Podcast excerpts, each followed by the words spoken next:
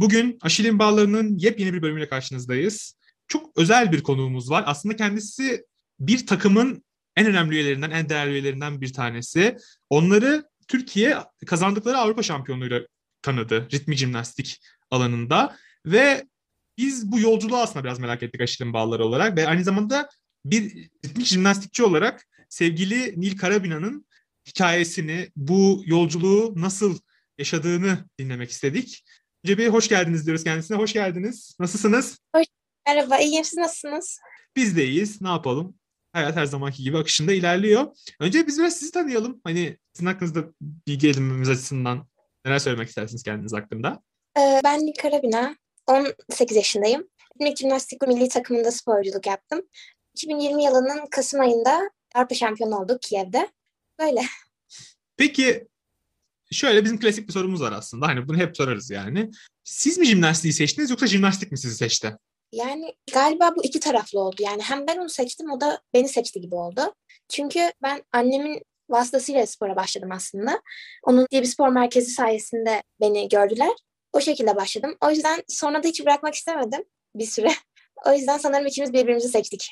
Peki yani bu jimnastik tabii hani anneniz vasıtasıyla başladığını söylediniz. Hani bayağı da zorlu bir spor aslında. Şimdi jimnastiğe başlıyorsunuz ama aslında hani kaç yaşında başlamıştınız bu spora? Ben dört buçuk yaşında başladım. Dört buçuk yaşında. Bu yani hani ben dört buçuk yaşında herhalde konuşamıyor bile olabilirim doğru düzgün. Jimnastik gerçekten önemli bir merhale diyebilirim.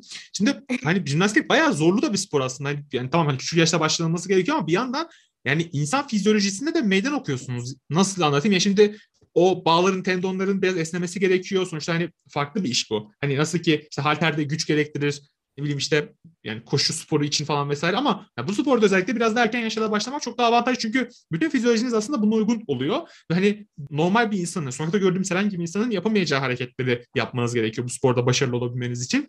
Hani siz hani hiç bu konuda araştırma yaptınız mı? Hani ya işte nasıl bir bilim bu veya ben bu hareketleri nasıl yapıyorum? Hani nasıl bir esneklik kabiliyetim var? Eklem aralığım ne kadar geniş, neleri yapabilirim, neleri yapamam, bu nasıl oluşmuş şeklinde bir bilimsel araştırmanız var mı? Yani öyle bir yandan hani oturup bakmadım ama küçüklükten beri bize bazı eğitimler veriliyor. Çeşitli zamanlarda da işte neden bu kadar esmemiz gerektiği, nerelerimizi çalıştırdığımız, işte hangi bağlar esniyor bunları bize öğretiyorlar. O yüzden oradan hani biliyorum. yani peki e, şimdi hani dediniz ya hani işte farklı bağları hani öğretiyorlar vesaire falan. Size bunun teorik eğitimini mi veriyorlar? Yok, teorik eğitim değilim. Mesela bir hareket uzatıyorum ya da bir şey yapmamız gerekiyor. Antrenörümüz diyor ki şu an işte bağdır kaslarını çalıştırıyorsun. Bunun üstüne yoğunlaşman lazım. Şöyledir gibisinden. Böyle oluyor.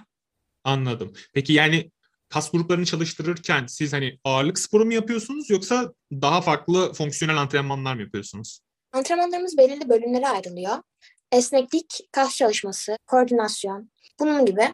Şimdi şöyle kaslarımızı çalıştırırken genellikle ağırlık kullanıyorduk. Onun yanında kondisyon yapıyorduk.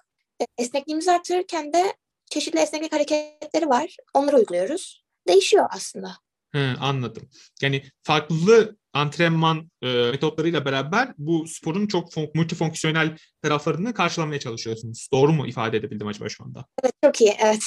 tamam harika. Şimdi de yani şimdi şöyle bir şey var aslında jimnastiğin tabii de farklı alanları da var. Hani ne, ne bileyim işte atıyorum artistik jimnastik var, ritmik jimnastik var. Artistik jimnastik kendi aralarında işte ne bileyim e, barfix oluyor, işte atlama tahtası oluyor.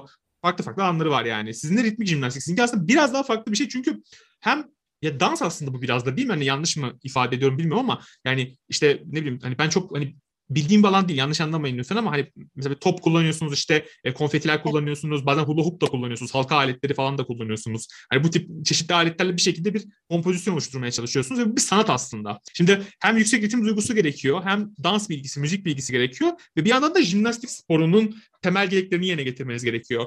Siz peki hani bunun sanatsal yönüyle spor yönünü birleştirmek hani benim aklıma çok yatmıyor açıkçası. Yani bu konuda herhangi bir özel bir çalışmanız vesaire veya antrenmanınız var mı? Evet, yani şöyle oluyor. Biz kom- oluşturduğumuz kompozisyonlara seri diyoruz. Serilerin içerisinde bazı saniyeler aralığında müzik müziğe uygun dans ediyoruz. Yani o yüzden evet bir bakıma dansla da birleştirmiş diyebiliriz. Müzik duygumuzu, işte senkronizasyonumuzu geliştirmek adına biz bale dersleri alıyorduk. Bale hem vücut duruşumuzu düzgün tutmamızı sağlıyordu hem de bazı ritim duygularını, müziği daha kolay algılayabilmemiz için bize fayda sağlıyordu. Bunun gibi çalışmalar yapıyoruz antrenmanlarımızda. Yani peki mesela atıyorum jimnastikte belli bir yere kadar bale dersi alınır sonrasında tamamen ritmik jimnastik e, ne tarzında mı oluyor yoksa hep hem bir yandan bale dersi bir yandan ritmik jimnastik mi yapıyorsunuz? İkisi iç içe oluyor. Genelde bizim mesela haftada 6 gün antrenman yapıyorsak kesinlikle 4 gününde bir saatlik bir bale dersimiz oluyordu. Böyle iç içe ilerliyor. He, anladım. Anladım. Tamam. Anladım. Peki bir önce bir, birkaç önceki sorumu aslında birazcık daha genişletmek istiyorum. Çünkü 4,5 yaşında başlaması aslında çok değişik bir şey. Yani jimnastik sporu için bence çok sıra olmayabilir. Yani çünkü jimnastik dediğim gibi hani insan fizyolojisinde ona göre adapte etmesi gereken bir spor. Ama yani küçük yaşta antrenmana gidiyorsunuz. Hani 4,5 yaşındasınız. Yani daha doğru düzgün çevreyi bile tanımıyorsunuzdur belki de. Ve hani 4,5 yaşında ve şu anda 18 yaşında olduğunuzda düşünürsek 5-13 yıldır aslında bu sporun içindesiniz. Yani 13 yıllık bir kariyeriniz var aslında. Ve hani antrenmanlara gidiyorsunuz ve yani jimnastik yandan çok disiplin isteyen bir spor dalı. Yani siz bunu nasıl başardınız? Hani tamam hani aile bir yere kadar oluyor ama hani bir yerde de şey diyebilirsiniz yani ben yani istemiyorum yapmak veya kalkmak istemiyorum, erken kalkmak istemiyorum, bu işi yapmak istemiyorum. Motivasyonunuzu nasıl ayakta tuttunuz? Çok küçükken ilk başlarda ben daha bireysel sporcusuydum o zaman. Çok istiyordum gitmek. Yani diyordum ki okul olmasın ben antrenmana gideyim. Çok istiyordum gitmek. O zamanlar çok zorluk yaşamadım. Ama bir dönem geldi. Orada gerçekten motivasyonumu kaybetmiştim. Düşmüştü yani. Hani hiç antrenmana gitmek istemiyordum. Hatta bir iki sefer falan hasta olmadığım halde anneme hastayım deyip antrenmana gitmediğim bile olmuştu. Ama o evreyi atlattıktan sonra biraz daha olgunlaşmıştım ve bir hedefim vardı artık. Gruba seçilmiştim. Şimdi gruba seçildikten sonra zaten büyük bir hedef için biz çalıştık. Şimdi o hedef doğrultusunda sabahları kalkmak gerçekten çok zor oluyordu. Bazen gerçekten ne bugün gitmesem diyordum ama işte o her gün gittiğimiz için şampiyonluk geldi. Yani o günleri, o zorlukları atlatmasaydık böyle bir şey yaşayamazdık yüksek ihtimalle. Şimdi aslında çok güzel bir noktaya parmak bastınız. Hani gruba seçilmenize de geldik. Aslında bu grup bir yandan da başarıyı getirdi. Ben sizin hani grubunuzu tabii yakından Türkiye 2020 yılındaki şampiyonluğunuzdan sonra tanıdı ama aslında bu çok uzun bir süreç olduğunu siz çok çeşitli programlarda da belirttiniz.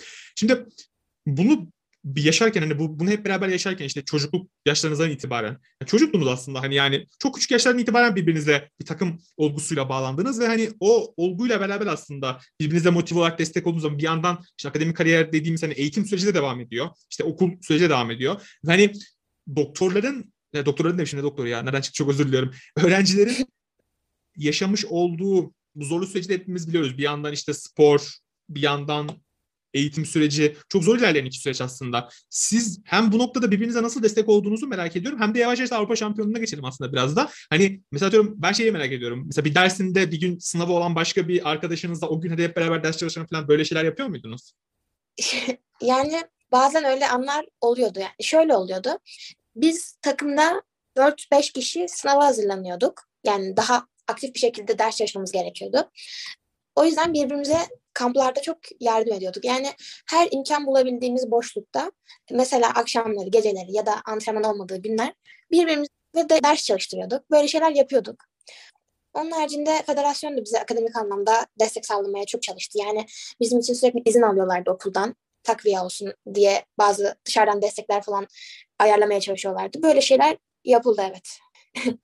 Peki ya aslında Avrupa şampiyonluğunuzun nasıl yaşandığını hep biliyoruz. Hani işte o yaşadığınız süreci yarışma dönemindeki ve yarışma sırasındaki esnasındaki duygularınızı istediğiniz birçok platformda anlattınız. Ya ben buna girmeyeceğim. Çünkü biliyoruz hani bildiğimiz bir şeyi tekrar tekrar sizi bunaltacak şekilde de dinlemenin bir manasını da görmüyorum. İşte şampiyon oldunuz. Hani çok da büyük bir gurur yaşattınız bize. Bu noktada yani ya aslında bu bana birazcık ee, aslında bu noktaya gelmeden önce başka bir şey daha sormak istiyorum. Bu da çok merak ettiğim bir soru. Takım en kiminle anlaşıyordunuz bu takım şeyinde, birlikteliğinde? Şimdi şöyle, ya ben ben aslında hepsiyle iyi anlaşıyordum. Yani herkesle iyi anlaşıyordum. Hepsini çok seviyorum. Ama hani bazen tabii kamplarda işte kiminle kalıyorsam ya da yarışmalarda zamandan zamana göre kiminle yakınlık gösterdiğimde değişiyordu aslında. Çünkü bazı kamp işte diyorum Peri'yle kalıyorsam o zaman onunla işte keyifli aktivitelerde bulunuyordum. O zaman onunla daha yakın oluyordum. Ama tabii bu zamandan zamana göre değişiyordu. Genel olarak hepsiyle iyi anlaşıyordum ben. Peki bu hani antrenmanlar, işte yoğun eğitim temposu, işte bir yandan başarı hani ağırlığı başarı kazanmak gibi bir zorunluluğunuz elbette yoktu ama elbette ki sizden antrenörlerinizin en azından çok yüksek beklentileri vardır. Çünkü çalışma temponuzu bilen en iyi insanlar onlar. Biz siz hani 2020 yılına kadar belki de yani çok bilen veya çalış, ne kadar çalıştığınız, ne kadar yorulduğunuzu bilen insan sayısıyla çok azdır diye düşünüyorum. Peki hani bu noktada siz gerek antrenörlerinizle gerek takım arkadaşlarınızla beraber motivasyonunuzu ayakta tutabilmek için neler yaptınız? Aslında ben bunu çok merak ediyorum. Hani tabii ki elbette hani yaşanır ama o ya onu sizin gözünüzden bir aslında dinlemek istiyorum. O işte yarışmaya hazırlanma süreci, takım arkadaşlarınızla beraber işte bir hedefe kilitlenme. Bu nasıl bir şey? Sizin gözünüzden bunu biraz dinleyebilir miyiz? E, biz tak, bazen zaman zaman hani, takımca düşüyorduk. Yani psikolojik anlamda. Bazen fiziksel anlamda da düşüyorduk. Bazı anlarda birbirimizi kaldırmaya çalışıyoruz. Hani birbirimize motive konuşmaları yapıyoruz ama bazen bunlar işe yaramıyordu. Yani bir şekilde yine yükselmemiz gerekiyordu ama bunu başaramıyorduk. Böyle zamanlarda da biz hep şey yapardık. Diğer takımların videolarını izleyip gaza gelmeye çalışırdık. Yani birbirimize konuşurduk. Derdik ki işte kızlar bakın nasıl senkron yapıyorlar. Biz de bunu yapabiliriz. Şöyle yapabiliriz falan diye. Bu da işe yaramıyorsa şey yapıyorduk. Hayal kuruyorduk birlikte. Diyorduk ki düşünsenize işte şurada birinci olmuşuz. Şöyle röportaj veriyoruz. Şunu yapıyoruz. Çok güzel olmaz mı falan deyip böyle birbirimize gazı getiriyorduk. Yani biz hayal kuruyorduk. İşte böyle bir başarımız olsa ne kadar iyi olabileceğini düşünüyorduk. Bu şekilde motive olmaya çalışıyorduk. Peki ya aslında başarınız o kadar sıra dışı bir şey ki yani çok sıra dışı bir şey aslında. Yani Avrupa şampiyonluğu biz ya biz ülke olarak ritmik jimnastik gibi ne bileyim işte artistik jimnastikte şimdi başarılarımız var vesaire ama ülke olarak çok atasporumuz değil. Hani, hani ritmik jimnastik daha çok ve artistik jimnastik daha çok işte hani Sovyet bloğu ülkelerinin işte Belarus, Rusya o, o blok ülkelerinin ve daha çok uzak doğu ülkelerinin özellikle Çin'in son dönemlerdeki ataklarıyla beraber hegemonya kurduğu bir alan diyebilirim. Ve siz bunu hani realize ederek bir şekilde başardınız. Bunları başarırken şöyle bir şey açmış. Jimnastiğin etkili, etkileyici taraflarının en önemli bir tanesi de şu. Hata payı yok değil mi? Hani hata hata yapamazsınız. Hani herhangi bir hata yapamazsınız. Çünkü hata payı sıfıra yakın. Bir kusursuz bir seri de yapsanız o serideki en ufak bir hata işte bir adım yanlışı vesaire insani bir şey de olabilir. Bu insani bir refleks olarak da yapabilirsiniz bunu. Ve bir şekilde bu bütün emeğinizin çöpe gitmesi demek oluyor. Ya bunu hakikaten nasıl başardınız? Yani çok merak ediyorum. Çok işten bir soru olacak belki ama çok yani çok tekrarla elbette ki oluyor. Bazı şeyleri hani bilinçaltına işlemek de oluyordur bu, diye düşünüyorum ama hani bunu nasıl başardığınızı çok merak ediyorum açıkçası. Gerçekten çok fazla hata kabul eden bir branş değil. E, çünkü bazen yani 0-10, 0-20'lik puanlarla derece kaybediliyor. Ama biz çok fazla antrenman yapıyoruz. Yani gerçekten diğer spor dallarından daha fazla saat salonda kalıyoruz. Çünkü bir şekilde o hatasıza ulaşmamız gerekiyor. Tabii ki her yarışma hatasız yapamıyorduk. Kesinlikle öyle bir şey yok. Zaten hata yapıp hatalarımızı öğrenip onların üzerine çalışıyorduk. Bu da sanırım bu yoldaki en büyük nasıl diyeyim bize katkı sağlayan şeylerden biri oldu. Hata yapıp öğrenmek kesinlikle. Onun haricinde bazı mental olarak antrenmanlar da yapıyorduk. Birlikte aynı bir ortamda sevdiğimizi hayal ediyorduk ama hatasız bir şekilde. Bu gerçekten çok faydalı yani çok işe yarayan bir teknik aslında. Hatasız bir şekilde yapacağımız şeyi hayal ettiğiniz zaman beyniniz otomatik olsun bu sadece beyninizdeki o kiliti kaldırıyor gibi oluyor. Böyle şeyler de çalışıyorduk. Onun haricinde antrenmanda çeşitli antrenörlerimiz bize planlar uyguluyor. O planı bitirdiğimiz zaman zaten bir şekilde hatasıza hazırlanmış oluyorduk. Yani kafanızda bir şeyi öncelikle seriye oluşturuyordunuz. Ardından bunu performansınıza döküyorsunuz. Aslında biraz da baleye benziyor gibi. Çünkü balede de bu aynı şekilde geçerli sanırım. Yani aslında bir, bir, bir nevi sizin yaptığınız şeyde baleye çok yüksek benzerlikler gösteren bir şey değil mi? Hani yanlış anlamadıysam. Çünkü evet. balede de balede de bildiğim kadarıyla veya balede bir modern dans da olabilir. Tango, vals, herhangi bir dans da olabilir ama bu e, tabii jimnastik biraz daha işte şey hani doğuştan bazı fizyolojik farklılıklar gerektirmeyen, gerektiren bir spor ama işte öteki tarafta işte valstir ne bileyim baledir falan. Hani bale de tabii küçük yaştan başlaması gereken bir spor aslında ama ötekilere göre biraz daha disiplini daha az diyebiliriz sanırım. Hani jimnastiğe göre. Bilmiyorum evet, yani, ama. Çok disiplin gerekiyor gerçekten. Çok disiplin gerektiren bir spor. Evet. Peki 2020 yılındaki sizin başarınızdan sonra aslında çok da fazla böyle yüksek başarılar göremedik. Yanlış anlamayın lütfen bu sorum ama çok böyle yüksek başarılar kazandığımız bir alan değil alanımız. Ve sizden gelecek sizden sonraki takımların bu başarıyı tekrarlayamaması veya o seviyede kalamamasıyla beraber de aslında biraz olsun o istikrarlı başarı kıstasımız birazcık düşmüş durumda. Siz bu noktada sizden gelecek sonra sizden sonra gelecek olan takımlar hakkında düşünceniz var mı? Hani bir ümidiniz veya bir beklentiniz ya bu, bu gelecek olan yeni takım veya şu kuşak çok iyi geliyor şeklinde hani bize aktarabileceğiniz herhangi bir düşünceniz var mı? Sizin cevabınızı alabilirim şimdi. Diğer soruyu duydunuz tam olarak. Kusura bakmayın ya internetlerde bir sıkıntı var galiba anlamadım. Hiç sorun değil. Cevaplayayım. Evet. Bizden sonra gelen nesil bence çok yetenekli. Yani yetenekli sporcular gelişiyor. Şu inanıldığı zaman yapılamayacak bir şey yok. Bunu zaten biz de görmüş olduk. Bence gerçekten istikrarlı bir başarı yakalanabilir. Peki Ben özellikle hani mesela merak ettiğim bir konu olduğu için bunu soracağım. Bu Z kuşağı dediğimiz bir kuşak geliyor aslında ve bunların sporcu refleksleri, bir maça, bir müsabakaya bakış açıları çok farklı. Siz de onlardan bir tanesisiniz aslında.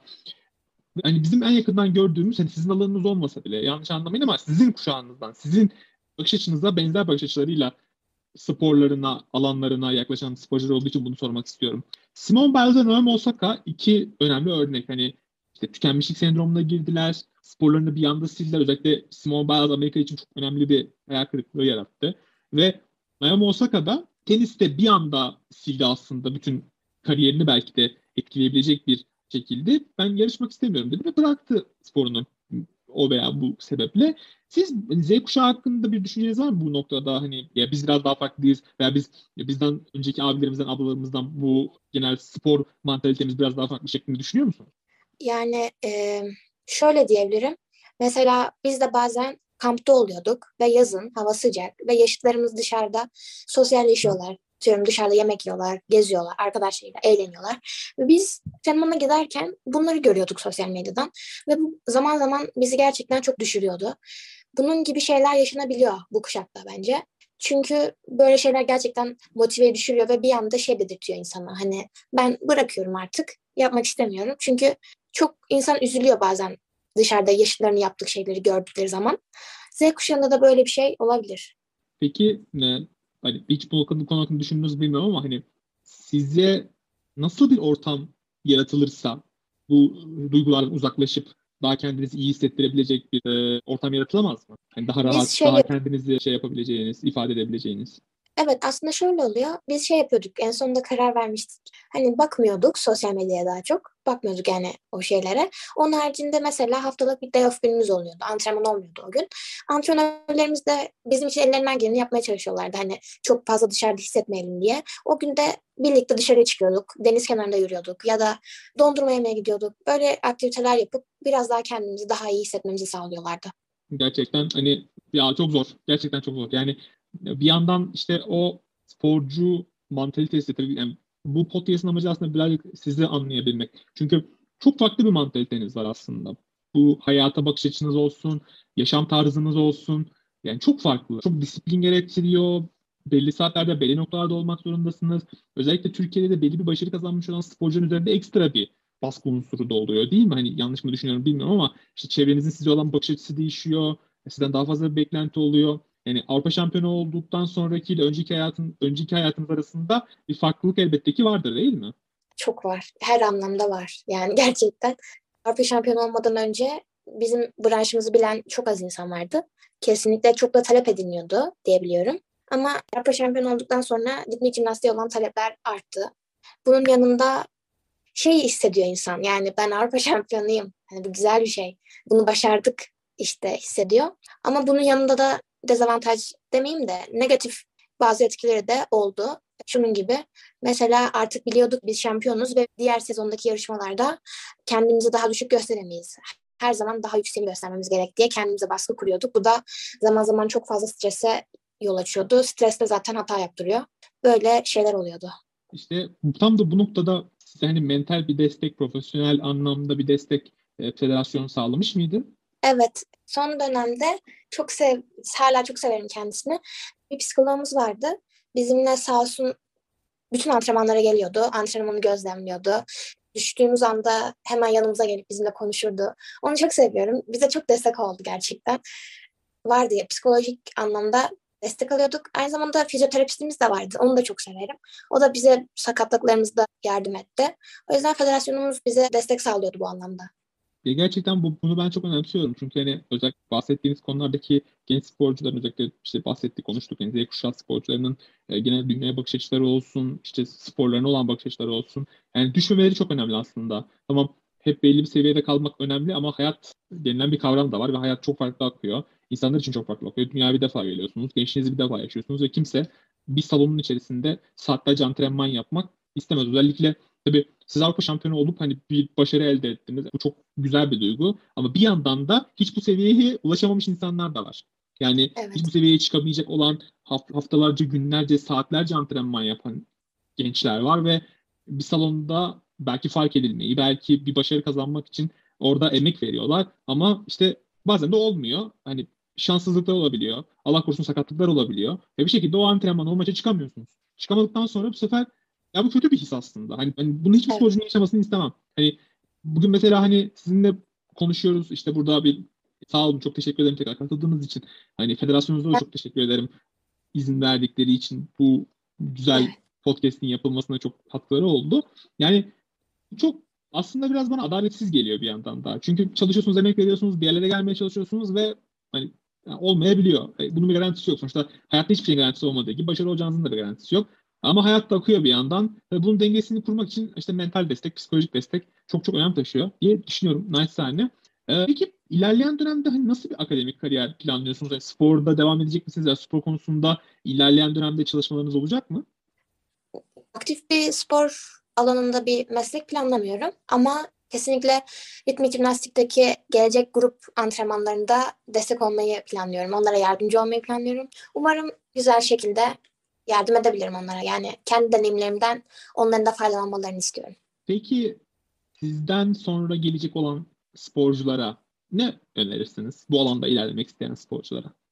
Bence başarıdaki en önemli şeyler çalışma, inanç, istek ve sabır. Gerçekten öncelikle hiçbir başarıya çalışmadan ulaşamayız. Gidip de bir dünya şampiyonuna ya da bir olimpiyat şampiyonuna nasıl şampiyon oldun dediğimizde yatarak demiyorlar. Bu yüzden kesinlikle çalışmak birinci etken, çok önemli. Çalışırken tabii ki motivasyonu kaybetmemek gerekiyor. Bunun da e, nasıl sağlayacağız? Eğer istediğimiz bir şey için çalışıyorsak, bir hedefimiz, inancımız varsa onu elde etmek için kendimiz zaten motive oluruz onu düşündüğümüzde. Bu da bizi çalışmaya iter. Aslında hepsi birbiriyle bağlantılı. Yani bir şeyi başarmayı ne kadar çok isterseniz o kadar çok inancınız olur ve o kadar çok çalışırsınız. Ve inanmadığın, inandığınız zaman, çalıştığınız zaman gerçekten imkansız diye bir şey yok. Hayatımızda bir sürü bunun örneğini gördük. İnandığınız zaman her şeyi başarabilirsiniz. Bu güzel sözleriniz için çok teşekkür ederim ben öncelikle. Umarız hani bu bölümü dinleyen insanlar da veya sporcular da bundan kısalan iste bir şeyler alırlar diye düşünüyorum. Sonuçta hani yani Avrupa, Avrupa şampiyonu sporcu yani. İşte daha ne yani ötesi yok yani. İşte din, dinleyin yani sözlerini dinleyin uygulayın çalışın yani. Çalışma çok önemli bir şey gerçekten. Yani insanlar ya şöyle bir durum var. Yani her, işte katılan insan ve her gelen insan kötü çalıştığı için bir araya geliyor aslında. Yani çalışmadan başarılı olunabilecek bir şey değil. Konu şu ki işinizi tutkuya dönüştürdüğünüz zaman bence biraz da başarılı oluyorsunuz. Hani evet. işi iş olarak değil de işe bir tutku olarak bakmak biraz da şey ya. İşe iş olarak bakınca o sadece yapılması gereken ve olması gereken bir şey gibi görülüyor. Ama mesela ben inanıyorum ki siz bunu rüyanızda bile görüyorsunuzdur yani. Ya rüyamda işte şöyle bir seri yapıyordum. Acaba şunu mu denesek? Veya işte işte dondurma yiyordum ama aklıma şöyle bir fikir geldi. İşte bir dahaki antrenmanda bunu denerim. Veya işte başka bir şey yani. Anlatabiliyor muyum? Hani hayatınızın her noktasını sirayet edebilecek bir şekilde bu yaptığınız şeyi koyarsanız bence o biraz da başarının etkini o oluyor gibi. Yani evet, ben gerçekten. genel tecrübelerimden bunu gördüm. Evet. Yani jimnastik bizim hayatımızdı. Yani hayatımızın bir parçası değil, hayatımız oydu. Ben hala rüya görüyorum jimnastikle ilgili. Yani evet çok katılıyorum size. Teşekkür ederim ben de. Ya biz yavaş yavaş kapatalım. Çok teşekkür ederiz hani bu yoğun temponuzda bize vakit ayırdığınız için. Son sözlerinizi alarak kapanışı yapalım diyorum ben. Ben öncelikle çok teşekkür ederim bana gerçekten ulaştığınız için, beni çağırdığınız için. Çok keyifliydi ve benim için bir onur yani bir gurur burada şu an konuşmak. Gerçekten. Gurur. Yani her, her gün Avrupa Şampiyonluğu konuşmuyoruz. Yani. Böyle bir şey var var. ben gerçekten tekrardan çok teşekkür ederim. Ee, burada konuşmuş olmak beni çok mutlu ediyor. Çok teşekkür ederim. Ben teşekkür ediyorum. Bayanlar baylar sevgili Nil Karabina bizimle beraberdi. Kendisi belirttiğimiz üzere Türkiye'nin 2020 yılında kazanmış olduğu Avrupa Şampiyonluğu'nun Avrupa şampiyonu takımımızın diyeyim, bir jimnastik takımımızın en değerli üyelerinden bir tanesiyle bugün bir podcast gerçekleştirdik. Kendisine çok teşekkür ediyoruz. Başka bölümlerde görüşmek üzere. Hoşçakalın.